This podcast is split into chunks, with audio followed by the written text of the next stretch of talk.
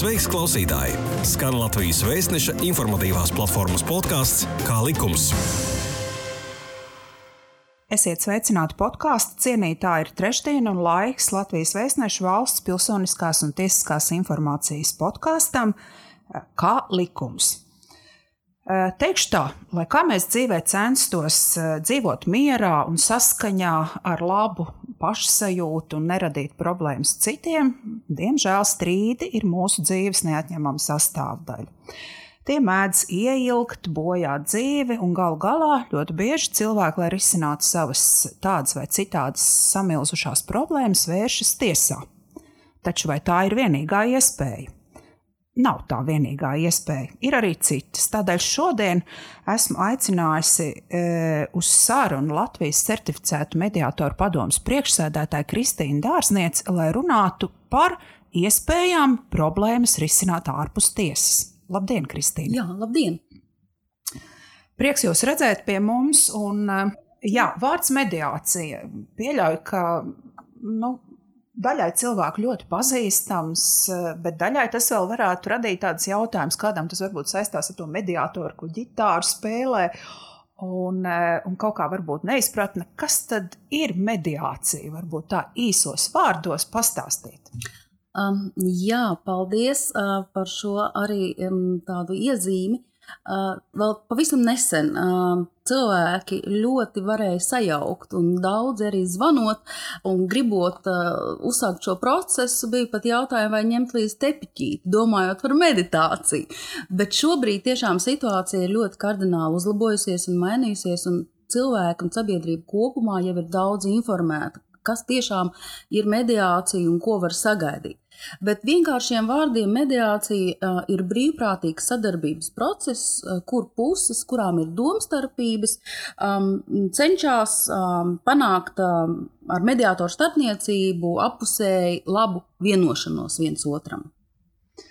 Uh. Jūsu darbību regulē arī īpašs likums, mediācijas likums. Tas ir pieņemts jau tālākajā 2014. gadā. Jāsaka, nu, mēs esam 20. gadā. Tas nozīmē arī faktiski, ka tiešām, kā jūs sakat, cilvēku izpratne par mediāciju ir augusi. Ja? Mediācijas likums nosaka visu mediātoru darbību, mediācijas procesa organizēšanu, kā jūs varētu raksturot šī likuma nozīmi? Jā, man ir tiešām patiesa prieks, ka 14. gadā, strādājot vairākās darba grupās, jau vairākus gadus iepriekš, 14. gada augustā, tika pieņemts un stājās spēkā šis likums, kas daudzās Eiropas valstīs jau darbojās jau iepriekš. Mediācijas likums Latvijā ir ļoti, manuprāt, veiksmīgs, strukturēts un saprotams. Varētu teikt, pat vienkārši nosaka gan, kas ir mediācijas process, pats galvenais mediācijas pamatprincips, nosaka tiesības un pienākumus pusēm, nosaka, kas ir mediātors, kas ir puses, kā notiek pašs process, nosaka arī to, ka var būt certificēti mediātori ir arī regulējums par certificētu mediātoru padomi, kā tas notiek. Nu, un tālāk jau, protams, kad ir pakārtoti ministra kabineta noteikumi, jo mediātoru certifikācija Latvijā tiek ļoti rūpīgi uzraudzīta, un es gribētu teikt, ļoti rūpīgi ir pieeja mediātoru kvalifikācijai un kvalitātei. Līdz ar to nu, tas ir tāds būtisks solis, un pamatojoties uz mediācijas likumu, tika iestrādāti 15. gadā jau grozījumi cilvu procesa likumā, kas nozīmē, ka tiesa iesaka, un viņai pat ir pienākums ieteikt pusēm izmantot iespējams mediācijas procesu kā vienu no vienošanās instrumentiem. Jautāšu jums arī tā, varbūt varat plašāk pastāstīt šīs problēmas, situācijas, domstarpības, kas, kad cilvēki ir vērsušies tiesā, vai visos procesuālajos gadījumos mediāciju piedāvā tiesa, vai tas ir piemēram tikai nu, civila procesā, kur ģimenes strīdi dažādi, eh, varbūt arī krimināla procesā? Kā ir, vai visās situācijās mm -hmm. ir mhm. iespējams vērsties pie mediātora? Um, jā, paldies par šo jautājumu. Um, mediācija manā ieskatā un arī likuma izpratnē principā iespējama visās uh, jomās It īpaši, protams, civiltiesībās, un par civiltiesībām es gan gribētu teikt visās jomās, protams, tie ir izņēmumi, ir juridiska faktu konstatācija, nu, kas nav mediācijas kompetencē, protams, bet tā es gribētu pat akcentēt. Ģimenes lietas, komercstrīdi, darba strīdi, mantojuma lietas, nekustamais īpašums, um, nu, viss, ko mēs varam iedomāties, vides strīdi, saistību tiesību strīdi, Viss šis ir pakļauts un iespējams un pat vēlams risināt mediācijā. Uh, jūs minējāt, ka mediācija Latvijā ar likumu no, no 14. Mm -hmm. gada, bet faktiski cik sen viņas, viņa ir ienākusi Latvijā? Jūs minējāt arī citas valstis, no kurienes viņa vispār mm -hmm. mums nāk un, un kas ir izdomājis šo procesu kā alternatīvu strīdu risināšanas ceļu uh, cilvēkiem, kam ir šīs domstarpības. Jā, mediācija pasaulē jau zinām pietiekami sen, varētu, es tā droši varētu teikt, gadsimtu vismaz, ja ne vairāk. Iepriekš noteikti par mediātoriem uzskatīja kāds cilšu vecākos vai citus, bet ne, neiesim tik tālā pagātnē. Tie ceļi, pa kuriem mediācija nonāca Latvijā, manuprāt, es tā varētu personīgi iezīmēt, ir uh, divi. Viens bija uh, Jānis Bols, profesors no Amerikas, kas uh, mums parādīja šo mediācijas ceļu, un tas sākās jau laikam tālāk 2002. gadā. Uh, un arī, protams, um, ir vācu kolēģi, uh, kas ļoti aktīvi darbojās no 6. gada Latvijā apmācot šeit mediātors Latvijā uz vietas, apmācot arī jau trenerus, skolotājus, mediātorus un ļoti padziļinātās mediācijas mācībās. Tā kā mums šīs skolas ir tādas saplūdošas no visām teiksim, valstīm, kur ļoti aktīvi mēs esam braukuši un skatījušies, kā notiek mediācijas ieviešana tieši Beļģijā, Īrijā, īpaši, protams, Vācijā un citās Eiropas valstīs Tagad jau arī mums tuvās, teiksim, saucamās bloka valstis, kur arī veiksmīgi viss šis tiek ieviests. Mēs viens no otra pašlaik mācāmies, papildinām viens otru, bet pamatprincipi, tieši mediācijas pamatprincipi visiem ir vienoti. Sakiet, kas var veikt mediāciju? Jā, pavisam vienkārši. Mediāciju veids fiziska persona, cilvēks, kurš ir speciāli apmācīts šim. Tātad Latvijā ir pieejama mediācijas pakalpojums gan pie mediatoriem, gan pie certificētiem mediatoriem. Tas nozīmē, ka um, puses var griezties kā pie certificētiem, tā pie necertificētiem. Valsts šo certifikācijas mehānismu ir izdomājusi kā kvalitātes rādītāju, kur viņi būtu pārliecināti tieši ieviešot šo tiesas ieteikto mediāciju ka tad, kad tiesnesis iesaka un uzrāda šo sarakstu, no kura media, puses var izvēlēties mediātoru, tad ir, nu, ir skaidrs, ka šie cilvēki ir profesionāļi. Ja, un ka tur ir tā uzticības latiņa un kvalitātes latiņa diezgan augsta. Klausoties jūs, nu, faktiski es nevaru teikt, ka es nezinu, kas ir mediācija, bet tomēr varbūt cilvēki par šo lietu atrisināt savas domstarpības mierīgā ceļā ar mediātoru starpniecību, nezinu, tāpēc, ka viņi jauc to ar, ar psihoterapiju, kas ir arī tāds nu, diezgan biežs mūsdienās palīga ceļš, kā, veid, kā nonākt pie kaut kādas skaidrības, kārtības un tā tālāk. Vai psihoterapeits arī var būt mediātors? Teikšu tā, mediātors var būt jebkurš. Pieņemsim mūsu likumdošanu, jeb mediācijas likums, ko mēs šeit pieminam, viņš nosaka konkrētus kritērijus mediātors, vismaz cercēts mediātors, var būt fiziska persona sākot no 25 gadiem, ar augstāko izglītību, neskatoties kādā jomā, un kurš ir apguvis mediāciju ne mazāk kā 100 stundas. Mums cercētiem mediātoriem varu teikt ar gandarījumu, mediātori ir gan praktizējušies, gan apmācības vairāk par 600 akadēmiskām stundām. Tātad ļoti augstas raudas kvalitātes mediātori. Kad atbrauc kolēģi no teiksim, citām valstīm, viņi ir ļoti nu, patīkami pārsteigti, cik šeit ir kvalitīvi un kvalificēti cilvēki nu, šim tieši arodam. Runājot par pašu procesu, Nu, ir, protams, kad atšķirības starp teiksim, terapiju, pārterapiju, ko veic vai nu psihologs vai psihoterapeits, kā nu kurā jomā. Jo mediācija ir ļoti strukturēts process, viņš ir vērsts uz konkrētiem rezultātiem, kas ir būtiski.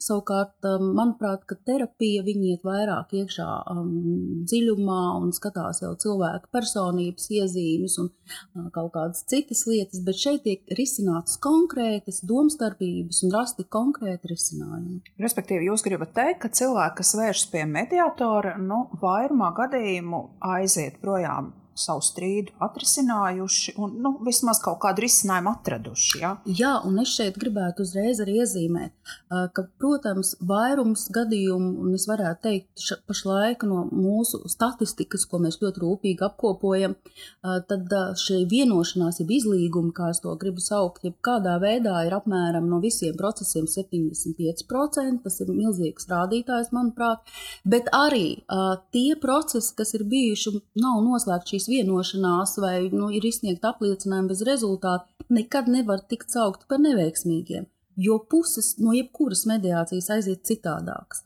To arī ir atzinuši tiesneši, kad citreiz ir tā, ka puses, nu, diemžēl, ir situācija, tomēr atgriežas iespējams tiesā. Viņas ir tā, tās ir citas puses. Tie vairs nav tie paši strīdnieki, ir cita kultūra. Un īstenībā man šķiet, ka mediācijas tas mm, pamat, pamatu pamats ir mainīt šo sabiedrības strīdu risināšanas kultūru savā saknē. Nu, tā es gribētu teikt. Nu, tas būtu jauki, ka tiesām vairs nebūtu tik liela noslogojuma, ka cilvēki varbūt neaiziet uz tiesu, bet patiešo pie jums arī tā mēdz būt. Noteikti, jā.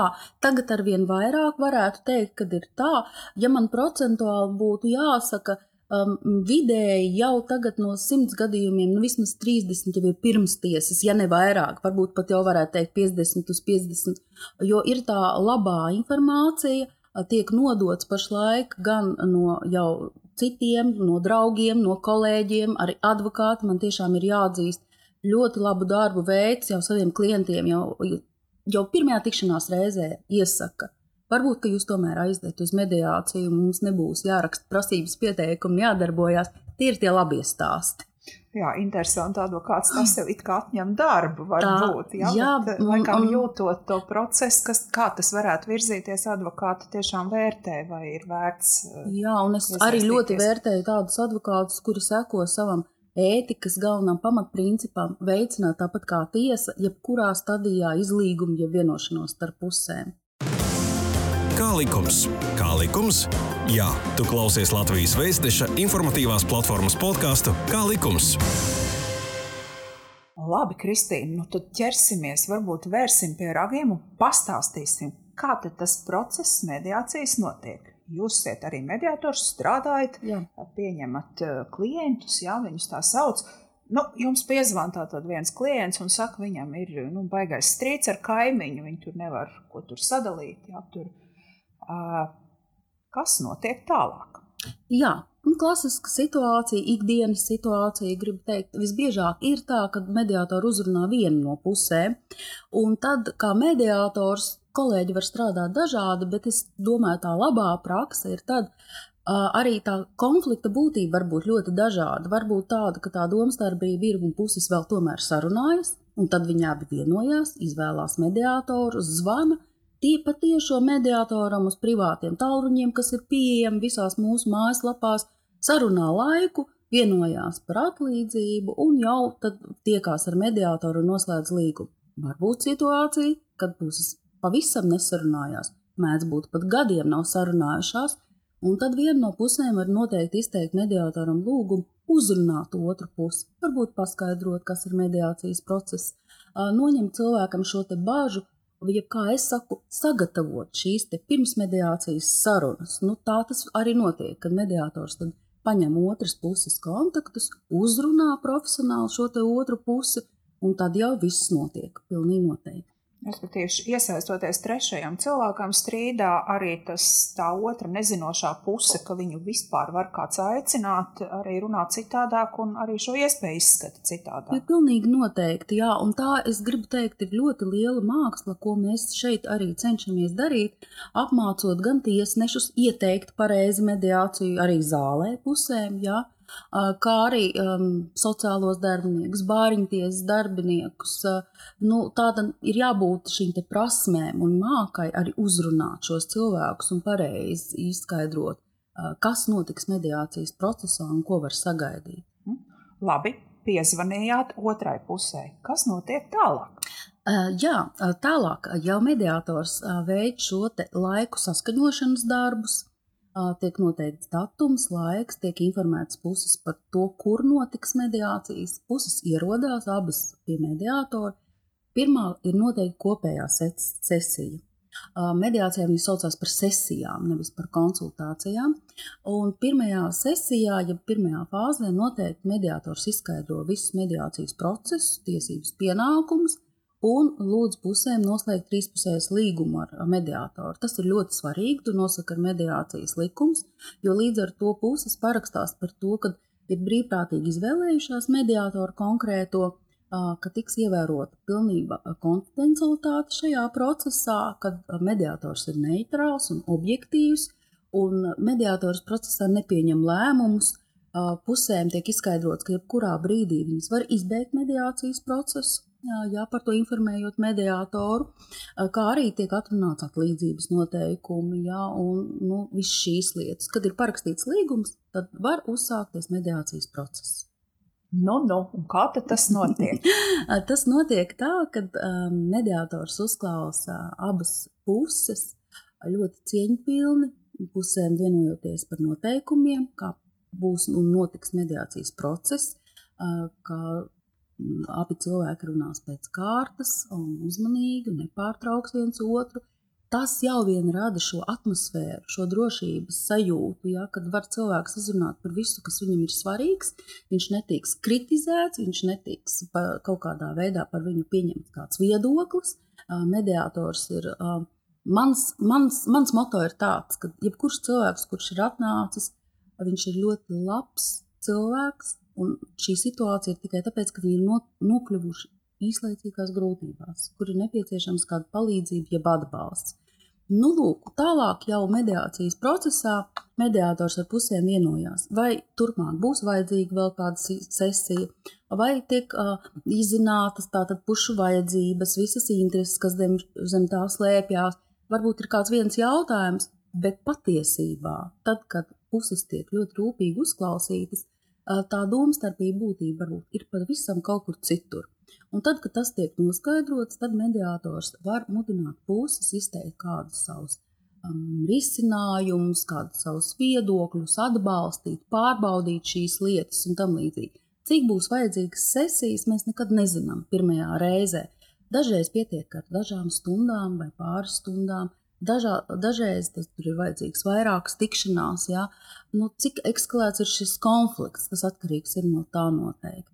Un tad ja puses ir nonākušas pie šiem saviem labajiem lēmumiem, kā es saku, jo viņi paši pieņem šos lēmumus, mediācijā vienmēr ir jābūt win-win situācijai, ja kad abi divi jūtās kā uzvarētāji, neviens nav piespiests piekāpties nekādā gadījumā, par to nevar būt runa mediācijā.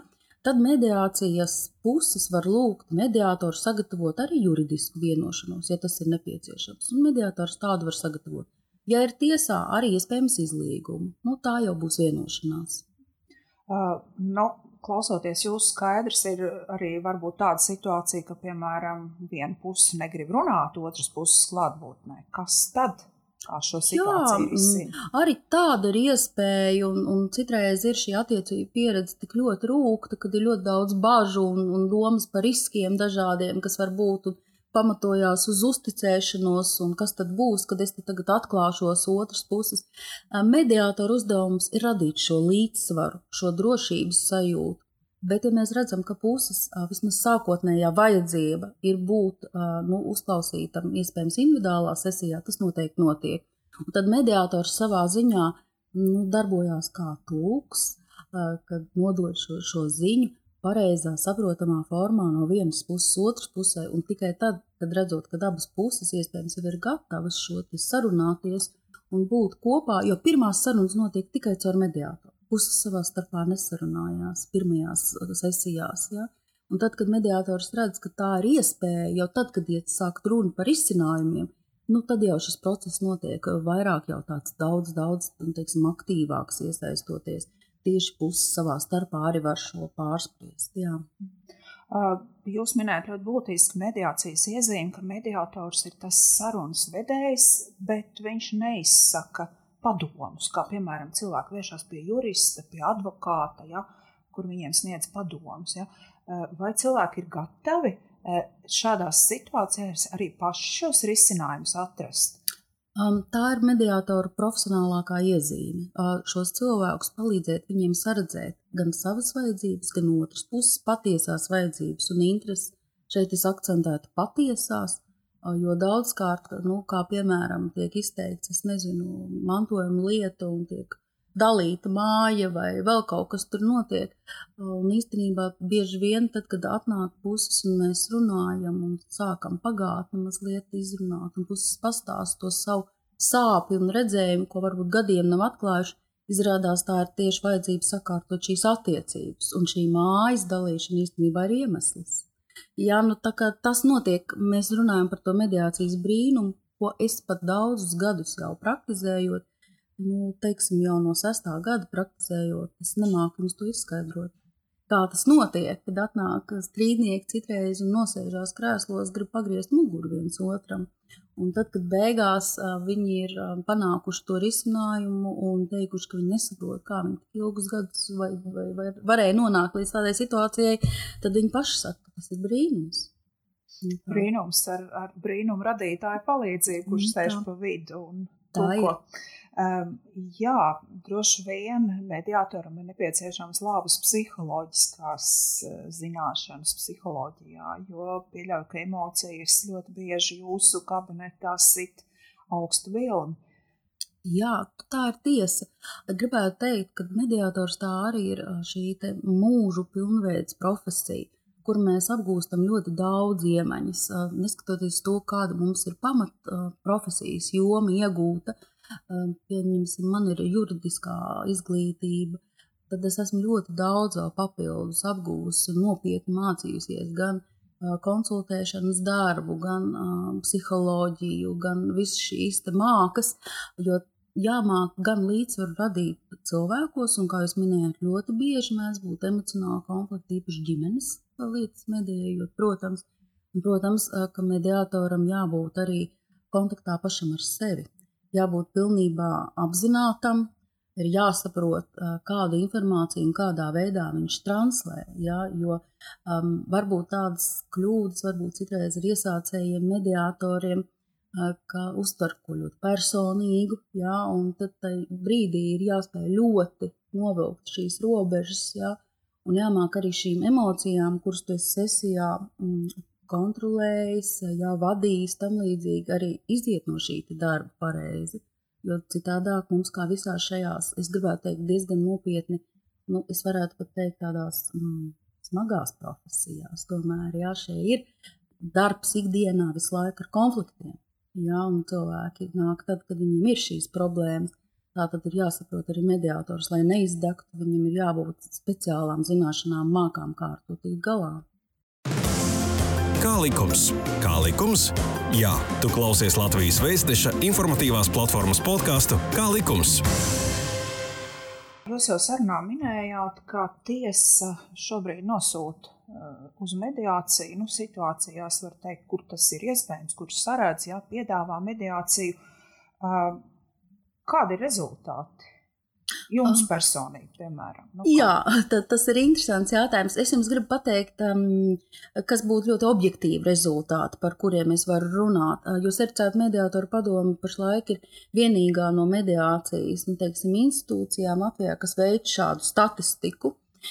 Un te man ir jābilst par to, ka pateicoties Tieslietu ministrijai 17. un 18. gadā mums bija ģimeņu mediācijas projekts, tā saucamais. Tas nozīmē, ka mēs lūdzām valsts atbalstu, lai integrētu šo mediāciju sabiedrībā, ģimenēm ar nepilngadīgiem bērniem ģimeņu domstarpības jautājumā bija iespēja dabūt piecas stundas bez maksas šajā, un piedalījās certificēta mediātori šajā projektā.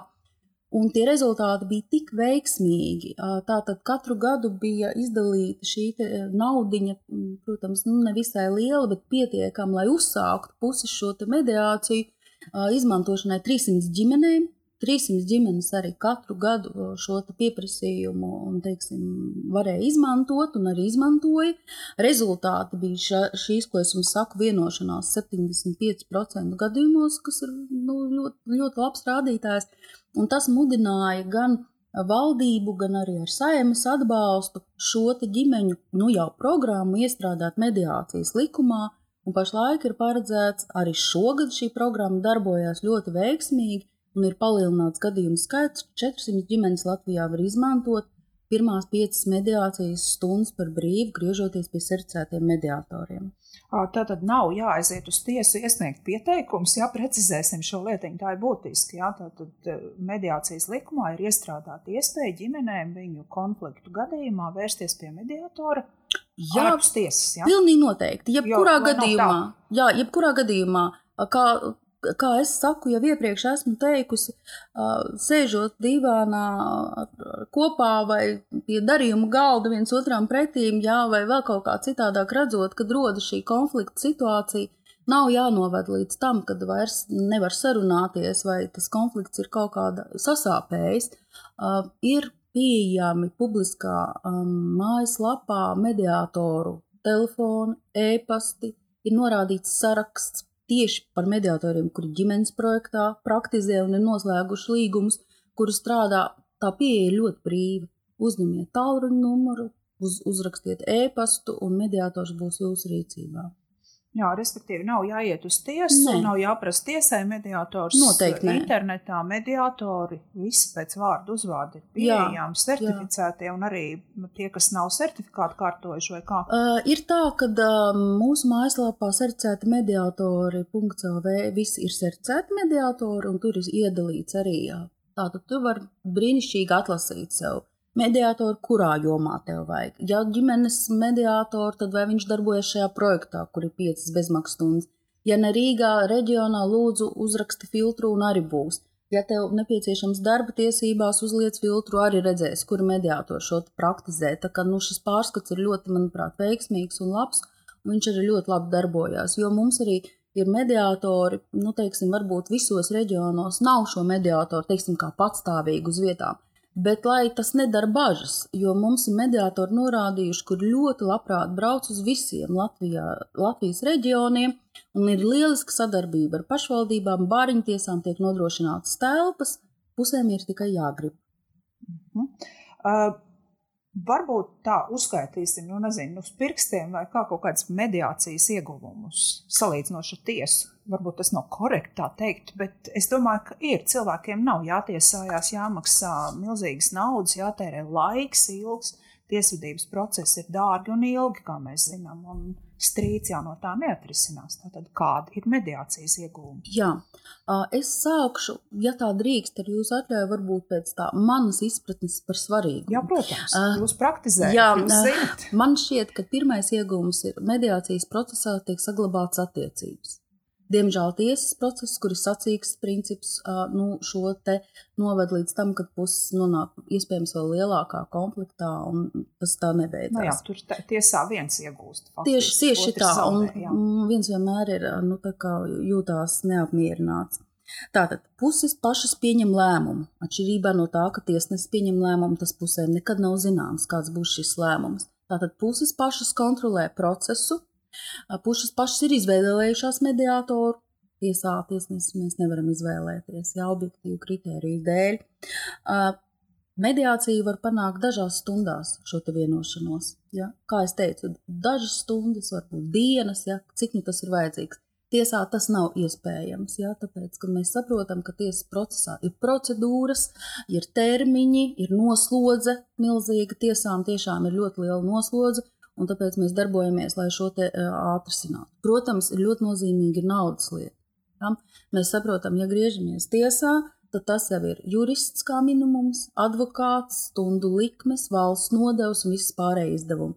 Mediātorā tāda ieguldījuma nav jāliek. Ir vienkārši mediātora atlīdzība, par ko vienojās puses, un tas ir kontrolējami. Jā, tās ir nesalīdzināmas mazākas izmaksas. Uh, varbūt priekšstatām, nu, teiksim, mediācijas izmaksas iezīmējiet ar, ar tiesvedību, nu, teiksim, viens pret cik. Man ir nu, grūti. Ja tiesvedība ir desmit, tad uh, salīdzinoši mediācijā nu, varbūt stundu likmi varat nosaukt, kā strādā mediātors. Nu, strādā sesijas pa stundām notiek, ja? Sesijas notiek pa stundām tieši tā. Tāpat kā tiesā, arī mediātoram likmes var mainīties attiecībā no to, kādā jomā ir konflikts. Ja tā ir ģimenes lieta, mediātori cenšas piemērot viszemākās šīs mediācijas likmes, neskatoties, ka process ir ļoti grūts un darbs ir ļoti smags, bet tā ir prioritāte jo pārsvarā ir iesaistīti arī bērni šajos konfliktos. Jā, tā ir cilvēku veselība, ilgi tiesājoties, jeb strīdoties un tam līdzīgi. Es varu pastāstīt par projektu, kā tas ir projektā. Mm, tātad šajā projektā mm, ir noteikts, ka um, mediātora atlīdzību apmaksā pirmās stundas valsts. Savukārt, ja ir nepieciešams vēl kāda stunda, tad katra papildus stunda maksā 35 eiro stundā. Parasti Uh, visbiežāk 99% puses to sadz uz pusē. Nu, šī nauda tad ir pavisam pieņemama, lai risinātu konflikts. Un, protams, ir arī nu, dažādi strīdi, varbūt strīdi par miljonu īpašumu dalīšanu. Jā, nu, tur ir ļoti sarežģīti iespējams šie mehānismi, iesaistīts ļoti daudz puses, varbūt jā, tā skaitā kredītiestādes, nu, dažādas mediācijas ir vadītas. Un, protams, no šīs sarežģītības nu, tiek arī piemērota šī likme. Ja? Tāpat kā tiesā valsts nodeva, jo tev ir lielāks prasījums, jo tā likme, ja valsts nodeva var izaugt nu, tūkstošos, mediācijā, protams, tā nav. Bet nu, es to atšķirību jums iezīmēju. Ja jūs sakat, viens pret cik, nu, tad apmēram tā ir. Jā. Jā, nu, nesalīdzinām, neapšaubām laiks, ieguvumi un attiecības saglabāts un atrisināts kaut vismaz kaut kādā mm. citā situācijā cilvēki iziet.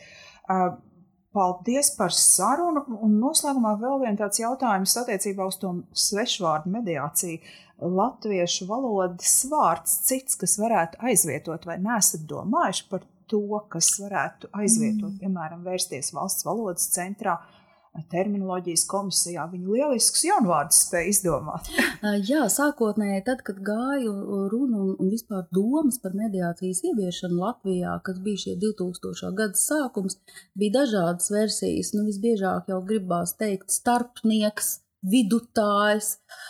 Tomēr, konsultējoties arī ar ārzemju kolēģiem un, protams, arī ar valodniekiem, mēs palikām pie šī ļoti trāpīgā mediātora un mediācijas nosaukuma, tāpēc, ka viņš visvairāk šo simbolizē kā mediātors starp ģitārista roku un stīgu.